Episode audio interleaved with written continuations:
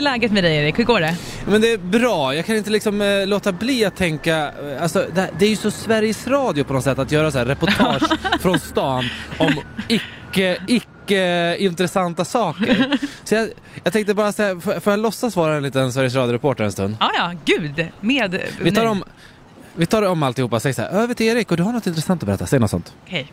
Eh, över till Erik och du har något eh, intressant att berätta. Jag befinner mig just nu på Ringvägen eh, 67 och här står de, de två olika papperskorgarna som startar förvirring bland stockholmarna just idag. Det finns alltså de här cylinderformade svarta och sen till höger med solpaneler ovanpå så står de nya eh, och fyrkantiga. Det här skapar förvirring och vi kommer att spendera de kommande fem timmarna åt att prata om det här medan era licenspengar ramlar in i kassan. Över till Radiohuset. Ja, det är bra, eller? Ja, jättebra. Du är ju en talang alltså. Ja, men tackar. Oh nej, nu kommer de. För helvete, helvete, Vilka då? helvete, helvete. Ja, men reflexvästarna kommer nu. Vilka då? Jaha, p- Reflexvästarna. men, men, vilka är det vi pratar om? Ah, jag ska försöka gå förbi dem. Det är massa barn här.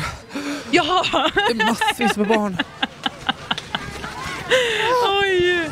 Springer du från barnen Erik? Ja, men då, varför ska de åka under rusningstrafik? För jag fattar precis som Jonas sa här som kör förmiddagarna. Han sa också, varför kör...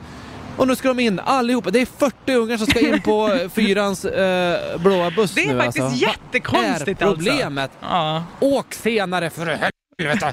Och det står ett, ett annat gäng också och väntar. Lite Ah. äldre barn, de är ju nästan läskigare.